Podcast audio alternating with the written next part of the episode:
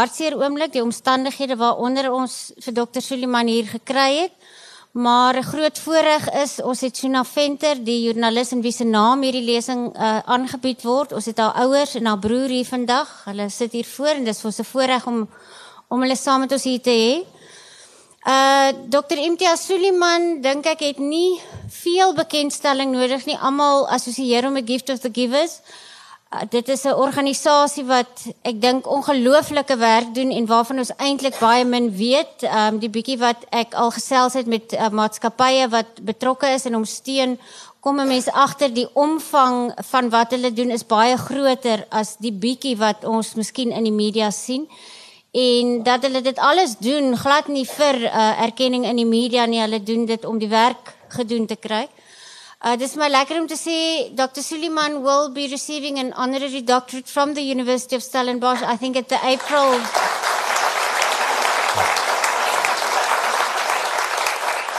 at the April uh, ceremony so you will see him around then again.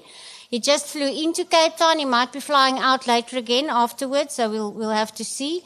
Um, but yeah, it's a big honor to have you here. Thank you so much for uh, making time to, to, to be here today, and uh, we look forward to listening to what you have to say. Uh, the topic, as you've seen in the booklet, is human, humane, humanity.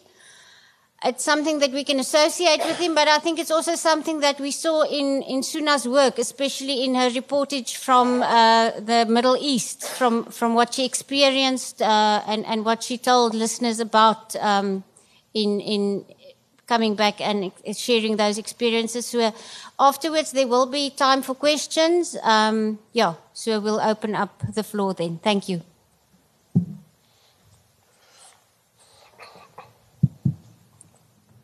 Thank you, Frida. Philip, Krista, the family, very good to have you here under very difficult circumstances. Foeta, Suna's boss, good to see you also. And all the people at Stellenbosch, thank you very much for being here this afternoon. It was the 29th of June, 12.27 in the afternoon. I sent a message. Hi, Suna. Hope you're fine. I'm at Bramley. Bramley is Gifts of the Givers Logistics Center in Johannesburg. Suna and I have been trying to meet each other for months.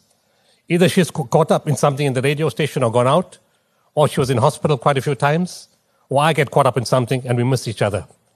That day at 1227, I sent her the message and I said to myself, it's taking long to get a reply.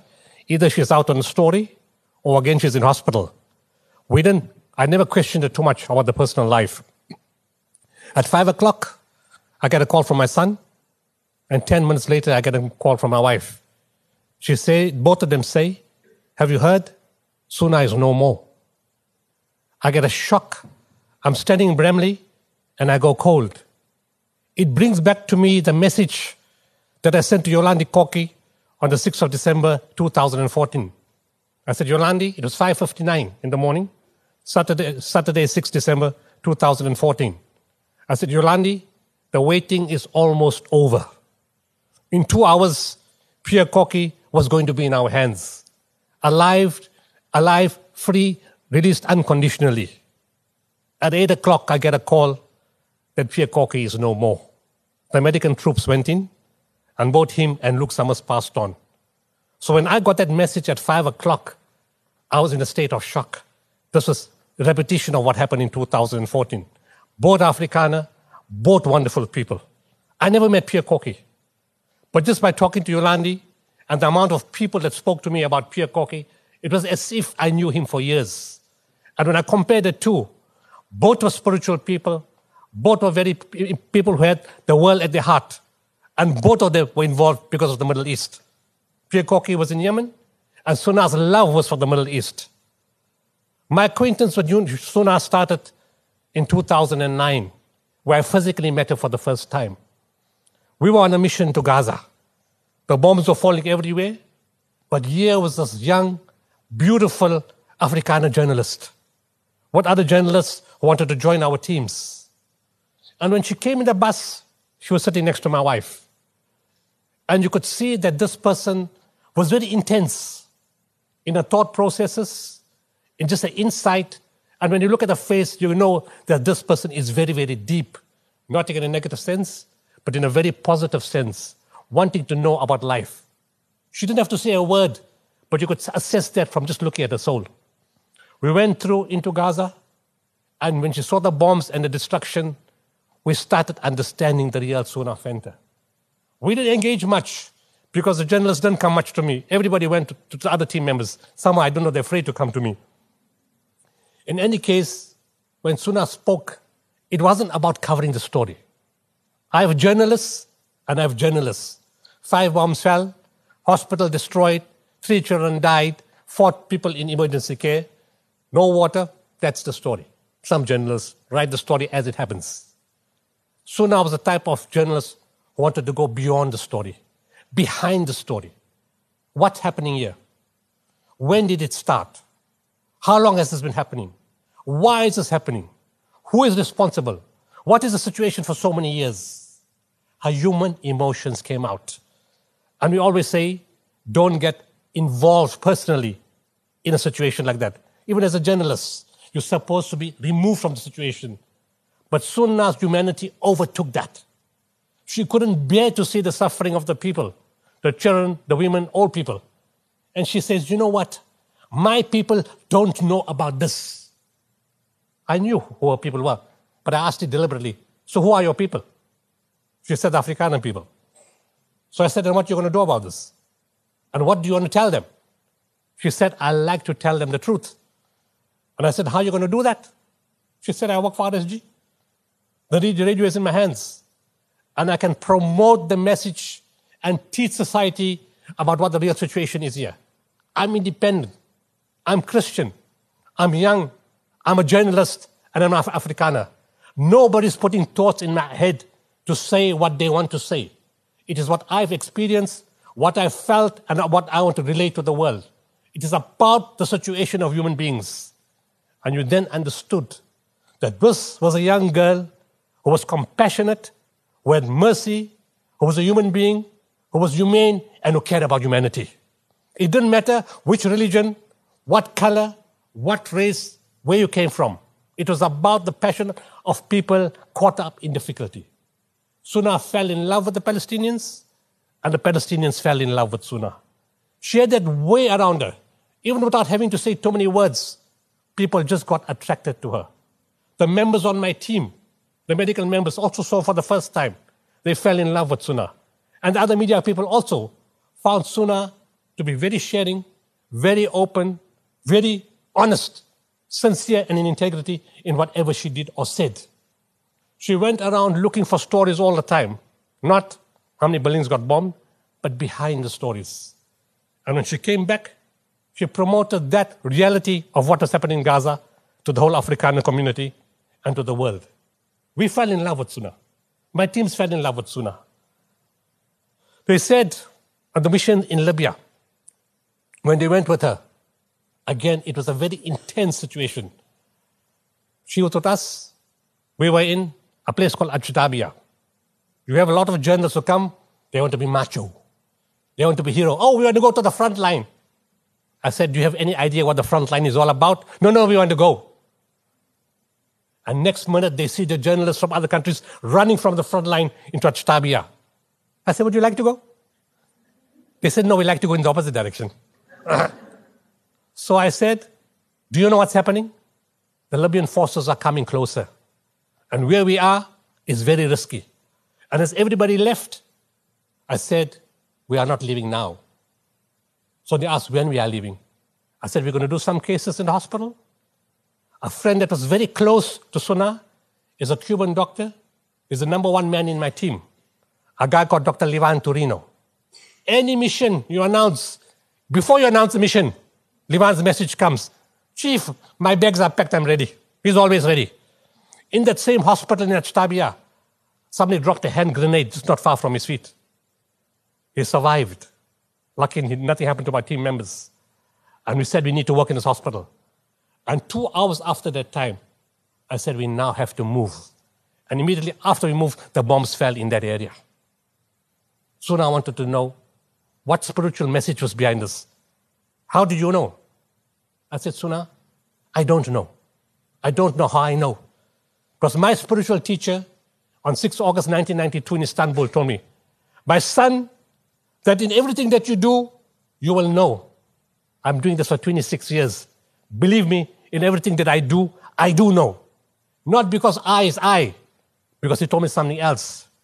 He said, Whatever you do is done through you and not by you. And if you open yourself out for that, the, the divine mercy flows through you. And you can guide your teams. And Suna caught on to that immediately. She saw onto that immediately because her heart was receptive for divine messages. It was not a Muslim trying to make a Christian another Muslim. No. We got 1.6 billion already, it's too much. so we're not interested in that. We were there to show how people across color, coming from an apartheid past, coming from a South Africa that divided us, yet our humanity and our souls brought us together, where we could share things together. We never looked at, oh, you're from the Afrikaner state before 1994. That never crossed us. You're a human, not you are white. You're a journalist. You're Afrikaner, no. Sooner you're a human being, and I'm a human being. You're a Christian and I'm Muslim, didn't matter. Those things didn't matter to Suna.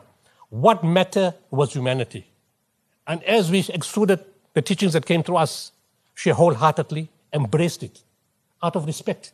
And we respected each other for that, not trying to make each other of the other religion. No. We got to Benghazi. Again, the journalists were running. And I said, they asked when we're leaving. I said, not now. We're going to work in Benghazi hospital for another day. The next day, we left. And the moment we left, an hour later, sniper fire came through the same windows where my whole team was standing. An hour later. And again, they wanted to know, how did you know? And again, I said, I don't know how I know. It just happened that we had to move. The inspiration came, we had to move at that time. And Suna again was open to those kind of messages. What is this? And the spirituality just grew in Suna all the time. In Libya, again, when things got very tense, when things got very hectic, a bomb fell in the building next door. She was busy interviewing Levan Torino. She didn't even flinch. The bomb went, she didn't even flinch. That's part of life. I'm here to cover the story. I need to tell the story of the people. I need to say what's going on in Libya. The bomb went, boom, and she carried on, writing the story while everybody else was flinching. And then they gave her name in, in, in, in Libya. They called that Captain Jack. Now, apparently, it's named after some song. As I said, a lot of things I didn't know because they had interaction. I was too busy coordinating things. And I don't get too personally involved in all the teams and the journalists. I stay at a distance because my job is to focus on the mission. And she would hum the song, apparently. Every time there was, a, there, there was tension, there was difficulty, so now let's hum the song Captain Jack. Maybe the parents know the song. I don't know the song. But that's what the team said about Suna. Then came the great difficulty. She wanted to come to Syria. 25th April 2010, I was taking 77 people across to Syria. I get a Suna's name was on the list. She was on my list for Libya. She was on my list for Gaza. And she was on my list for any other mission that she wanted to go. But of course, the decision comes from Foeta Krige and from RSG because they have to give every journalist a chance. So I said, if Suna wants to come, she's a brilliant journalist, and I want her with me if you want to send her. So she's on the team. I got a call two or two weeks prior to that from Angie Kapelianis to say, Do you know that Suna is not well? So I said, When you say not well, is it a flu? Is it some diarrhea? Is it something like that? She says, No, it's far more than that. And when she explains to me, I said, Look, we'll have to break Suna's heart. She cannot come on this mission. Because Suna had already reported on the war in Syria from Damascus when the war already started. She went in alone in 2011 from the Damascus side. She now wanted to come in from the north because she was passionate about the Syrian people and the Middle East. And she was ready to take the risk to come inside, like the moms didn't worry in Libya, they were not going to worry in Syria. She wanted to come. And I broke the message to Angie, Angie and Suna called me. She said, But why? Why can't you take me? I said, Suna, the type of condition that you have, and I'm not going to talk about the condition, it's very private. The type of condition that you have does not allow you to enter war zone. The type of condition that you have will aggravate your condition inside Syria. And then us, instead of looking after the people inside Syria, we'll have to worry about looking after you. It could be very risky for you, the rest of the journalists and my team. We can't have afford to have broken link in the chain. I don't allow that. As close as you are to me, the mission comes first and your health comes first. I'm sorry. I can't take you. She was very upset about it, but I said, I give you my promise. If ever you, whenever you heal and you're ready, and I take another mission into Syria, your name will be the first on, on the list. I couldn't fulfill that promise because 29 June 2017, Suna, in a young life, was gone. And many times, I went to Joburg, saw in the hospital, she would send me a message and ask for spiritual advice. What do you think? And I would send her messages, and she would communicate with me. Here we had very intense spiritual discussion, not religious discussion. Spiritual discussion because it covers all religion.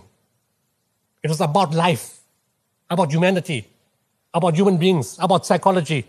And we interacted beautifully. And every time I got a chance, I went to SABC not to do an interview, because those I do thousands of. I wasn't interested in interviews. I was interested in this young Afrikaner girl who committed her life to tell the story about people she had no connection with. Not the same religion, not the same race, race, and yet the whole world thinks of us as terrorists. They think of us as murderers, as crazy people, as fundamentalists. But here was this Afrikaner journalist who didn't see that way. She saw it for what it was that a couple of thousand people cannot condemn an entire religion because of the bad behavior of a couple of thousand people. And she saw it for that. And that's the message she wanted to give to her people when she said that. But she saw it and she experienced, experienced it. And that's something that I loved her for. And then one day, we found out that she had a tattoo on her arm. The tattoo was, Were you brave? Were you're brave? Again, challenging everything in life, questioning herself, Am I brave enough? She was part of the SABC 8. Brave enough to challenge authority. She said she was threatened. I didn't get that from her directly, but it was mentioned. But Suna was not afraid to challenge authority, not for the wrong reason, but for what she believed in. Now, you may say what she believed in may be wrong, but from her point of view and her perception, it was correct. So, if any in our religion, your, your, your actions are judged by your intention, are judged by your intention. So, if your intention is to do good, even if it's a mistake, you are rewarded for being good because your intention is about a good thing. People may perceive it as wrong, and everybody else may see it as wrong. But if in your mind it's about a good thing, we regard it as good. So Suna perceived that to challenge authority in that case, and in Gaza, and in Libya, and wherever she went, to challenge what was wrong for not herself.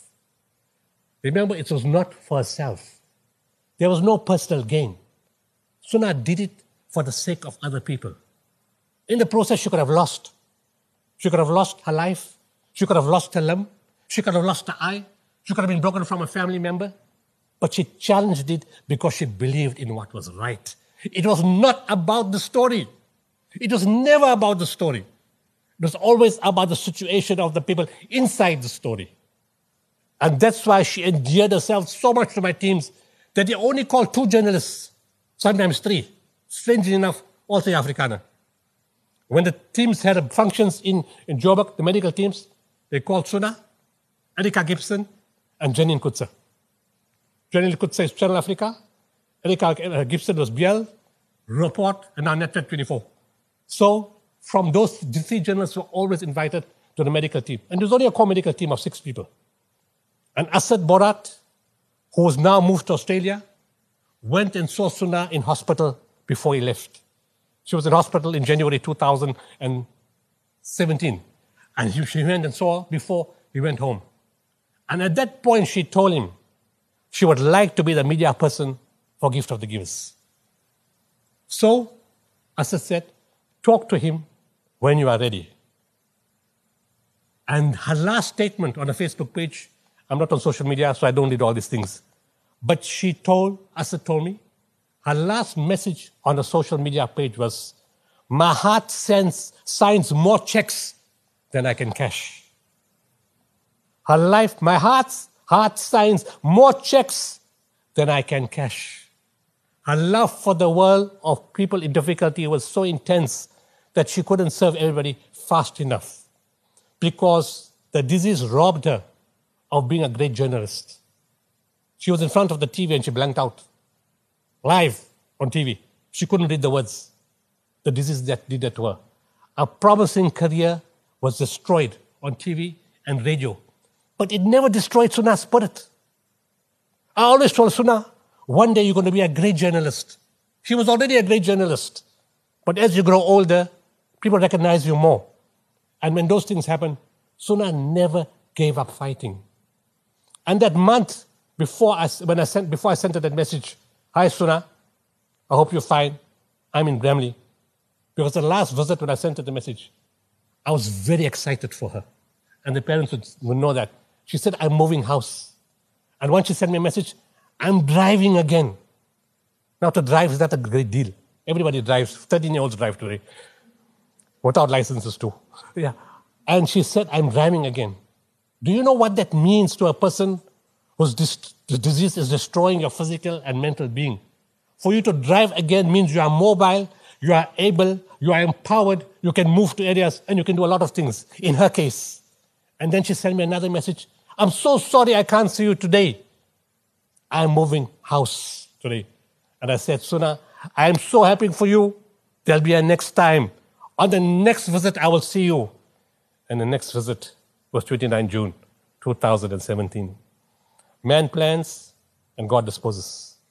But Suna has not left us. She is in our heart 24 7. I still have a picture on my WhatsApp, and the words are still there. Hi, Suna. I hope you're fine. I'm in Bramley, 1227. That picture with Suna is still on my phone. It won't leave, like Yolandi Korkie's picture won't leave my phone. It will always be there because these are special people in your heart. They've filled up a special place in your heart. My wife said, when I sat next to Suna on the bus to Gaza, I could see that this young Afrikaner girl was very intense, asked a lot of questions, wanting to know, wanting to get the truth, wanting to know about life in general. And she said, even in my mind, I perceived that just journalist was going somewhere very, very far. Philip and Krista, you may have lost, and the son and, and, and daughter-in-law, may have lost a daughter to yourself. But remember, you've gained a world of friendship. Suna is in everybody's hearts. Again, when I told them I'm coming to do this lecture, they were all just singing about Suna. They all cried. My teams cried the day it happened. They said, How is this possible? Are you sure? Has this really happened? Has Suna gone? These were Muslim boys crying for a Christian girl. You don't hear that normally. Because she stole everyone's hearts. They were Muslim boys who invited Suna to their homes. The father can, can, and mother can tell you that. Because she stole their heart. Wherever we went, they would say, call Suna. When Shiraz Mohamed disappeared on January 10, 2017, inside Syria, Suna was the first one to send me a message. You know, Dr. Sooliman, because of Imtiaz, I know Shiraz personally. What can I do? You want me to arrange extraction teams? Suna was very dramatic. You want, to, want me to arrange extraction teams? I said, Suna, this is not the movie. you have no idea what's going on in Syria. Even Syrians don't know what's going on in Syria. How are you going to arrange extraction teams to take Shiraz out? Then she would send me a message. A lot of people are saying negative things. I said, Suna, you know me by now. It comes here, it doesn't even penetrate, it bounces and it goes off. I really don't care what people say because everything is by intention. Actions are but by intention. Our job is to save Shiraz. And 9 January this year, or 8 January this year, we got proof of life exactly one year later. And I so miss Suna. I was going to send Suna a message. Suna, thank you for being there for Shiraz and his family. We got proof of life. On the 8th of January, Suna came to my mind again because she was the one that stood for Shiraz, for other journalists, for people in difficulty, anywhere in the country, anywhere in the world. A lot of people didn't understand her. A lot of people didn't understand Suna. But all the people who understood spirituality understood who Suna is. We pray for a soul to be in a contented and a resting place. And we pray that God Almighty bless her with the best in the year after. But Suna's memory will never be forgotten. And today's lecture in Stellenbosch is to rekindle and remember that memory. Suna was a great person. We loved her. Thank you very much.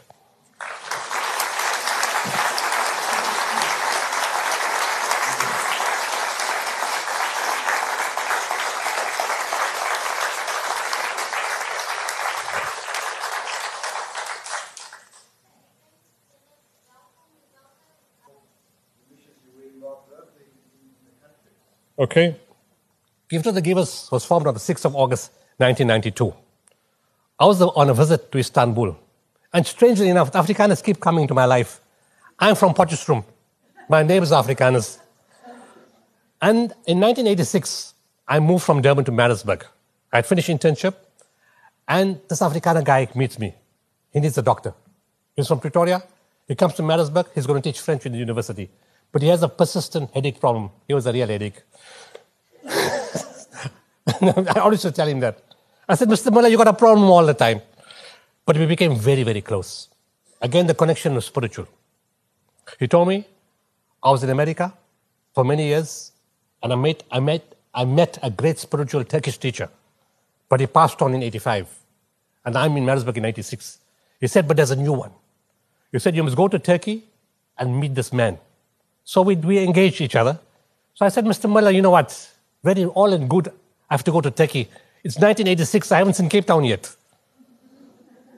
Then he said something very profound. He said, What God wills will happen. In 91, the mission came. It's a long story, but I arranged SAS Drakensberg, what government and FW de Klerk PW Botha, I mean, Pik Botha, to take a ship of aid to Bangladesh.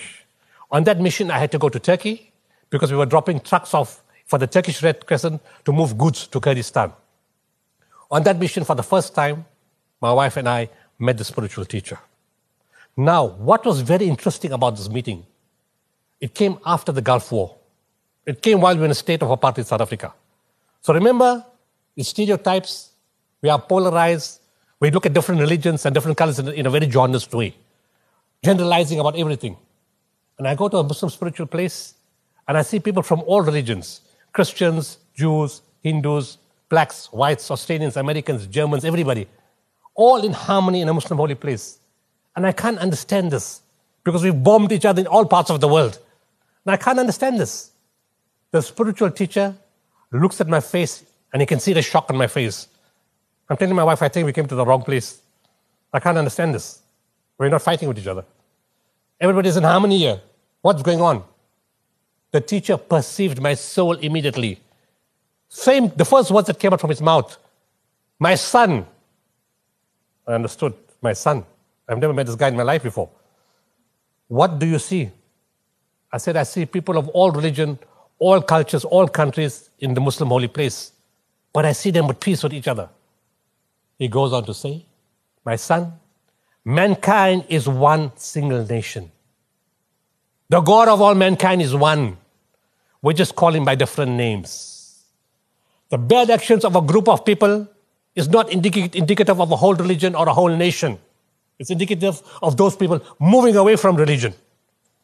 He said any person, irrespective of his external paraphernalia, no matter what book he's holding in his hand, be he an imam, a sheikh, a rabbi, a priest, a pandit, if he promotes violence, extremism, terrorism, the taking of life, he is not a man of God. Don't follow him.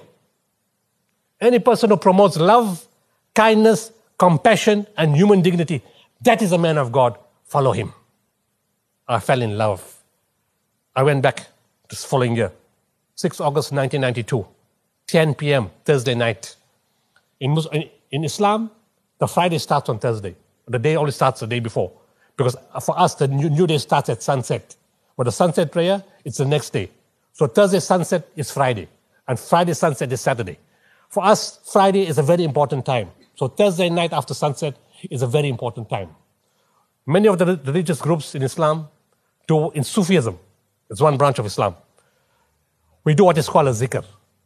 A zikr is a, is, is a recitation of God's names. In English, you would say, the one and only, kind, compassionate, eternal, loving, most kind, most gracious, a whole lot of the attributes. So we announce them in a certain way. We pronounce them and read them in a certain way. When we finished 10 o'clock that night, The spiritual teacher is in that corner. I'm here. He suddenly looks me straight in the eye. I can see him looking at me, but I can see he's also connecting heavenwards. So he's with me and he's not with me. He says in fluent Turkish, I don't understand a word of Turkish, but I understood every single word that he said. He said, My son, I'm not asking you. I'm instructing you to form an organization. The name in Arabic will be Waqful Waqifin. Translated, it means gift of the givers. You will serve all people of all races, of all religions, of all colors, of all classes, of all cultures, of any geographical location, and of any political affiliation. But you will serve them unconditionally. You will not expect anything in return, not even a thank you. In fact, in what you're going to be doing for the rest of your life, expect to get a kick up your back. If you don't get a kick up your back, regard that as a bonus.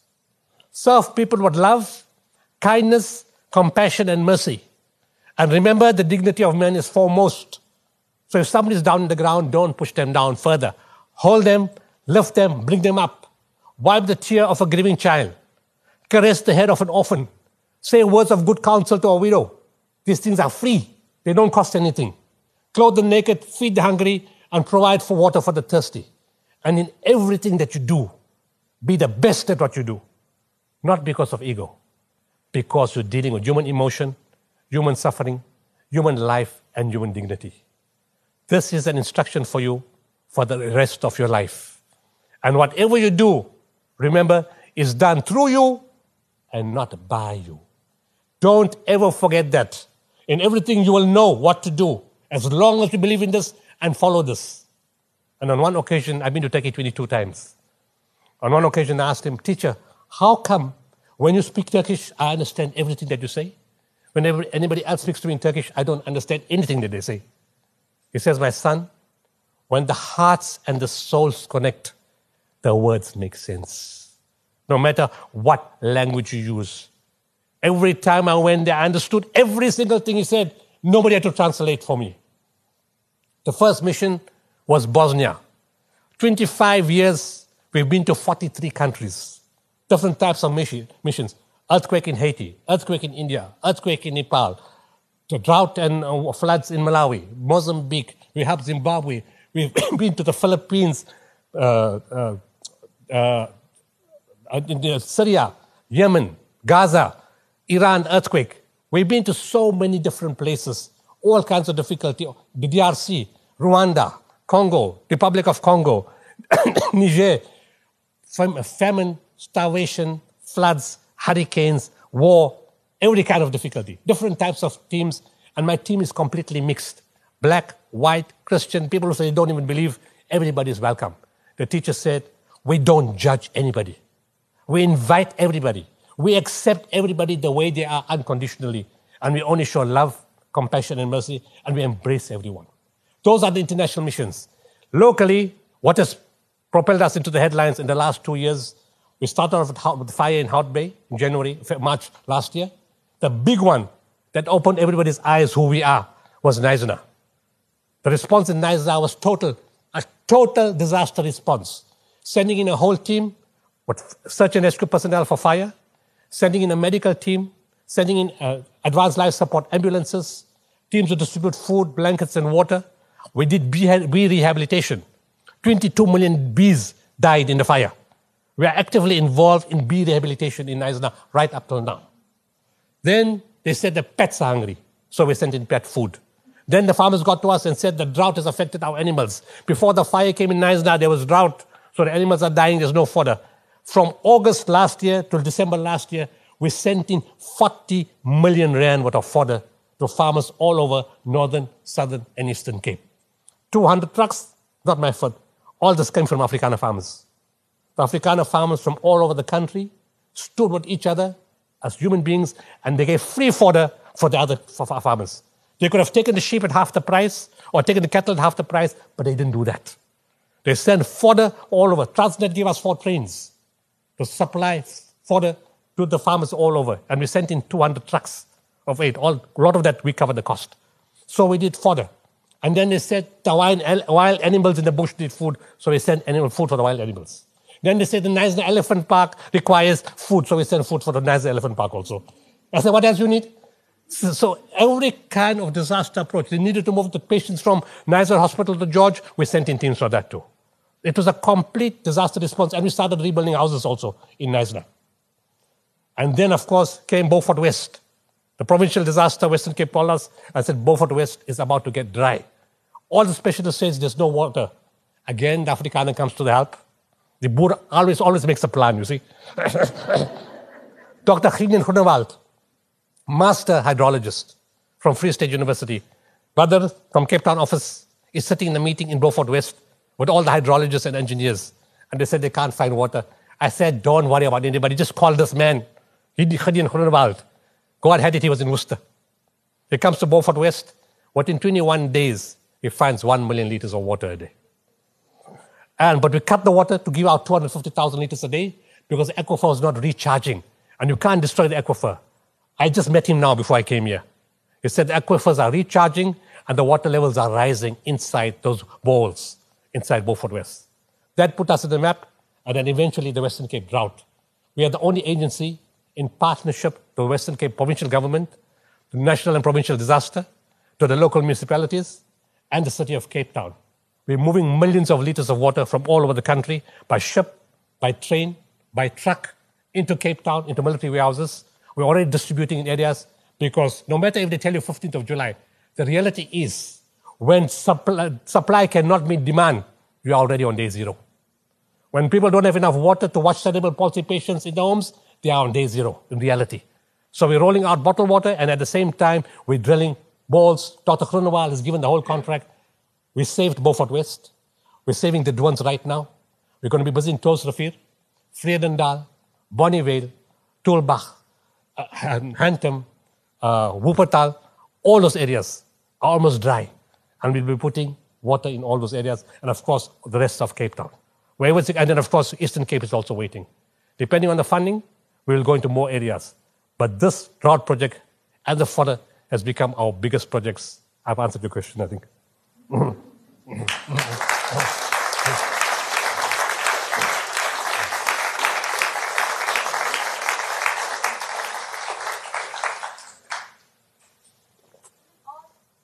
It's a combination of both. The spiritual teacher told me, My son, you will never have to look for anything. People from all over the country and all over the world will come to you. In 26 years, we haven't really have to look for anything. People wait in queues to work with us. We get calls from government, we get calls from corporates, from private sector, from specialists. Quite often, when we announce a project, sometimes even before we announce a project, somebody would say, I put in 50,000 into your account. I said, for what is this? No, this project, we have to start this project. I said, but I haven't announced I'm starting this project. No, but you have to start this project. We need to help you. And like that, when we announce to the media, our, our biggest friend is the media. RSG gives us a lot of coverage. You know, and, and a lot of Afrikaner people must have heard our stories many times. And when it's announced, we don't go to people for money. We don't say, please give me 50,000 We don't. We announce our projects in the media, and inevitably we get calls from everyone.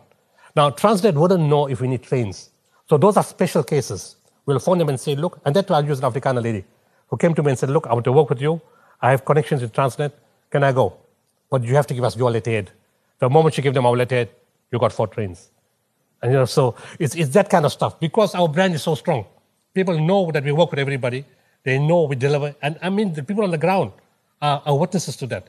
When nobody wanted to go into Marikana, we moved in unarmed, where there were 70,000 people who were very angry to deliver food to them, to calm them down. You know? And the cops told us, you guys are mad, you're going without an armed escort. We said, we know how to deal with this. And we went in, because we've been in war zones. So, in that way, if you just tell Transnet, it, it doesn't take a long explanation to, to, to, say why you want it. They understand the picture, and they will come to you. The, and after Knysna, many, many more. It's not only now, in 2017, that the corporates are starting to come in a bigger way. Everybody thought this is a Muslim organization. They only do Muslim things. They only do international things. They don't do anything else. They never understood that. And that's Foeta's fault because they don't give us enough coverage for local things. so they need to give us more coverage for local things so people can understand that. But of course, Knysna just ran away with everything. And now with the Cape thing. So yes, people come, but if you explain to them your need, it's easy. I mean, now corporates say, I got 3 million then, I got 1 million then, I got 2 million then. What can you do? And everybody is looking at sustainable water projects right now. Again, it's a yes and a no. People from foreign countries, see, the media covers their own organizations in their countries. They don't cover so much about other organizations from outside countries in their country. If you go into the Middle East, for example, most dangerous places we've been to, they speak Arabic only. So I haven't got a clue if anything said in English about us. It's something you have to develop a relationship with. If it's a non-war zone, it's fairly easy. Because over the last 25 years, all the embassies in South Africa know who we are. In the past, we have to phone our DIRCO to tell them, speak to the embassy to say we want to go in. Now that system doesn't apply. The embassy just phones you directly. They said, we want you to come to our country. We know what you guys can do. We'll facilitate the visas, customs free. You just come in, we'll arrange everything for you. Just come. In non-war zone situation, that's fine. In a war situation, it's far more complicated. Because if you help this guy, that guy pursues the enemy. If you help that guy, this guy pursues the enemy. So when you go to a war zone, everybody wants to shoot you. So you have to go with people, and I'll give you a classical example in Syria. When we went in for the first time, where we put up hospital, the civilians overthrew the troops and chased them away. So it was a civilian success mission, no military. A few months later, the Free Syrian Army came there. So they're now in charge. A few months later, ISIS came into the area, 12 kilometers away from the hospital. Then they left, then Al Qaeda came. So you can't be friends with anybody. You have to be neutral. They have to see you in action. And when they see you in action, and when they realize that if ISIS soldiers come to the hospital, Al Qaeda soldiers come to, in, into, into the hospital, somebody's family come to the hospital, we don't ask any questions. Our aim is to save life. That's what medical people do in a war zone. They don't ask which side you belong to. What did you do? Did you shoot somebody? Okay, we'll treat you we won't treat you. You don't do that. You just save life, but that's your medical job to do. So when people see that, when Al Qaeda came, they called Jabhat al Nusra. The first thing they walked into the area, they put a flag on our hospital, Al Qaeda flag. We told them if that flag doesn't go down in five minutes, we shut this hospital down. In less than five minutes, that flag is off the hospital and they ran away far from the hospital. Because they know we are neutral and we serve everybody. That's not only the organization mandate, that's a religious instruction. That even if you're fighting in a battlefront, you need to treat your enemy with kindness, don't tie them, share your food, give them full treatment like you do to your own soldier. That's a religious instruction. So we go, yes, we go into different zones, we have to negotiate our way. I'll give you another classical story. When earthquake happened in Haiti, you could either go to America or to Europe to fly there. We said, America is not going to work. They're going to see the big beards and they're going to say, oh, all these terrorists are coming to our country. So that's not going to work. So let's go via France. So DIRCO called France. The French embassy was very, very uh, cooperative. And we said, okay, we'll fly via France. And then I went to the French Air France. I said, can you get us to Haiti? They said, yes, no problem. We'll get you to Haiti. I said, the airport is going to close. They said, the airport is open. I said, it will close. No, no, no, I'll give you guarantee in writing. We will get you there. Give me guarantee in writing. I knew that's never going to happen. So how did we work? I found the Catholic Society from, I was in Maritzburg. I called the Catholic Society in Joburg. I said, I need the Pope. And the guy, the other guy was, nah, do I need him for Al Qaeda? Osama bin Laden's going to go there. What, kill the Pope? What's the story? He said, what do you need the Pope for? I said, you can't get the Pope. We Muslims, we connected all over the world. Shame on you. he says, no, no, don't worry, I get the Pope. In three hours, he calls me back. He said, I got the Pope, now what do you want? I said, I want a Catholic organization to meet my teams, not in Port-au-Prince, in Dominican Republic. Because they're never going to get to Port-au-Prince with the French airline. They don't know what they're talking about. So he says, okay, calls me back. The Pope is arranged.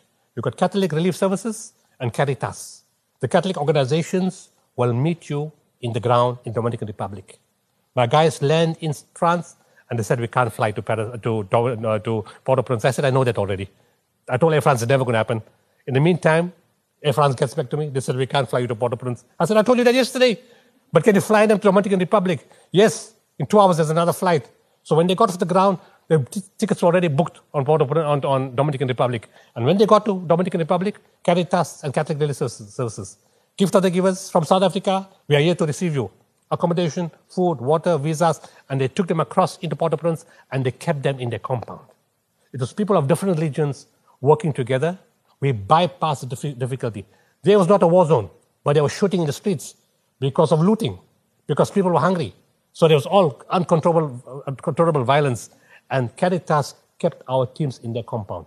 And I said, we must have an organization that's respected in the country in peacetime. In wartime, nobody will, will touch them. Nobody interfered with Caritas compound because they were respected in peacetime. So our teams, when other teams were working three hours a day, our teams worked nine hours a day. And we made a world first in Haiti. It was the first time in the world that an African team found somebody alive in the rubble in an earthquake outside the African continent. It was eight days later, 20th January 2010, when we found 64-year-old Ena Zizi inside the church. And the moment she came up, the first word she said is, I love God. So you can imagine instilling hope in people so many thousands of kilometers away. I think you guys are tired now. My full-time team is, is paid staff. I, between you and me, I don't want any volunteers for my full-time work. Because Monday morning, they promise you coming, and then, oh, my, I got a toothache. I'm going to the dentist. And they mess your whole mission up. But my disaster missions are all volunteers because I don't need them all the time. When we started the first team, the first time we started off was in 2004. We responded to a place called Hafun in Somalia when the tsunami hit the whole world, affected Somalia also.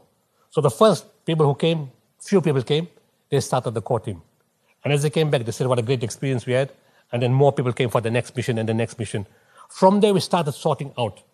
And we built a core team of 30 people, of which Suna was a part of those 30 people. She knew who they were. She met them all the time. And even when we were not on missions, I should call meetings in Bramley, and Suna would come there. So Suna knew those core people. So they are core people, and in any mission, they are the first one. Not because they're necessarily highly skilled. Yes, they're all highly skilled, but I don't take them for that reason.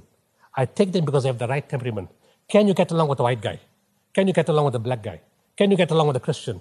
Can you get another one to say, I don't believe in God? Or you're going to get all emotional and, you know, and, and freak out. And so, no, how can they say you don't believe in God? You know, you, can, you need people who have the right temperament. If a bomb falls next to you, will you be able to calm the next people? Because I had some crazy people who came with me to Syria. The first team came, and then the second team came. Now, this guy was a new guy. He came on a mission. So I said, How's it here? Is it dangerous? So the other guy, just joking, because in, in, in war situation, you tell a lot of jokes to relieve the, stress.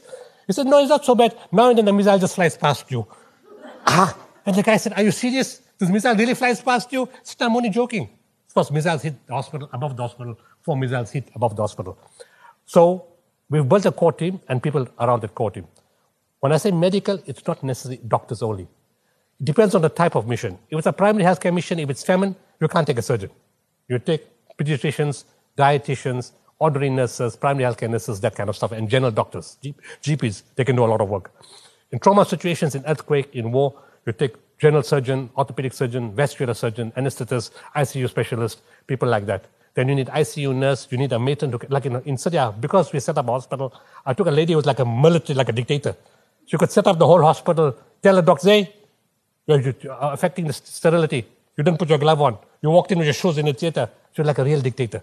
You know, so you needed people like that who can run a hospital for hygiene situations. Then you can take later on, we had physiotherapists, spinal rehab specialists. I took a lady called Karina Extian from Pretoria University, who's a well-renowned spinal rehab specialist, and she came with me to Pakistan in Christmas. She gave up her time to be in a Muslim country. So physiotherapists, we take dentists too. In the beginning, the thinking was, in a war zone, it's all trauma. And then we realized, you know what, as we evolve, no. Because yes, people do get shot and people do get bombed. But what about the guys who got diabetes, high blood pressure? They get fever, they get asthma. The war is carrying on. So the war doesn't say, okay, the hypertension doesn't say, okay, after the war, I'll come back. I'll wait for the war to be over. I'll, and then we found that in Syria, four hours there, more than 400 patients a day were patients like this, more than a trauma. They needed simple care, wound dressing, mosquito bite, insect bite, that kind of stuff. So the teams are very, very mixed. But it's all related to the medical field. No, but that's not in the war zone. that's very local. but you'll be surprised, we got called from Spain, or this Portugal when they had the big fires. And they sent us a message to say, how do you rehabilitate the bees? And the guy in, in Knysna that's working with us, there's Megan Farmas, Grant Livesey, and Owen Williams. Three of them are the specialists, and I put them in touch with the people in Portugal about how to deal with the, with the bees. And then we got a call from Eastern Cape also how to deal. These guys are absolutely passionate about bees. And you know, That's what you love about it. when I went, it's also a strange story. When I got to Knysna, this guy walks into the Checkers warehouse and says, I need sugar. So I said, Did you not get sugar in your food parcel yesterday? So I asked my people, Why you didn't give me sugar? They said, We ran out. So I said, But Checkers said, Come take whenever you want it. So we said, it's, it's coming. So I said, Okay, you did not get this in your food parcel? He says, It's not for me. So I said, Is it for your friend? No, it's for the bee. I'm thinking, What the hell is wrong with this all? so I said, What do you mean it's for the bee? He said, The bees died here. And then we need to draw them back and we need to give them a, a, solution that's sugar. It's not ideal, it's not proper bee food, but under the circumstances, everything is burnt out. So I said, okay, how much sugar you need? So he says, look, there's a lot of bees. I phoned Massmart, they sent me 30 tons of sugar the next day. But then I told the guy, you know what, I need to know about this, more about this bees business. So Friday morning, I meet him again. He brings Megan and Owen, and we start talking about the bees. So I said, I like to see the bees. I don't know, I opened my mouth for the wrong reason. I go to the area, I said, now you have to see the bee, you have to wear this bee outfit. I'm thinking these bloody things are going to sting me now, and I'm going to wear this outfit. I can't go and see these bees. But then I put the outfit on. I went to the bees, and believe me, it's the greatest spiritual experience I've ever had. You watch the bees, you see the pictures on Discovery, and those big honeycomb things. I saw this live, and the bees are very calm. If you don't interfere with them, they won't interfere with you. And the moment they open the box, they scream in excitement. There's the queen bee. We haven't seen a queen bee in a long time. You've brought luck to this place. And how the bees were working, and, and the way they were working in nature, I just fell in love with them. And I realized, you know what? We're going to take this project on. They needed 300 beehives. They needed beef food. So I said, how much do you need? They said 10 rand for this, 20 rand for that, 50 rand for this. I said, I'll give you 250,000 rand. They all three sat down and they started crying. I said, this is only the beginning. We need to save the bees.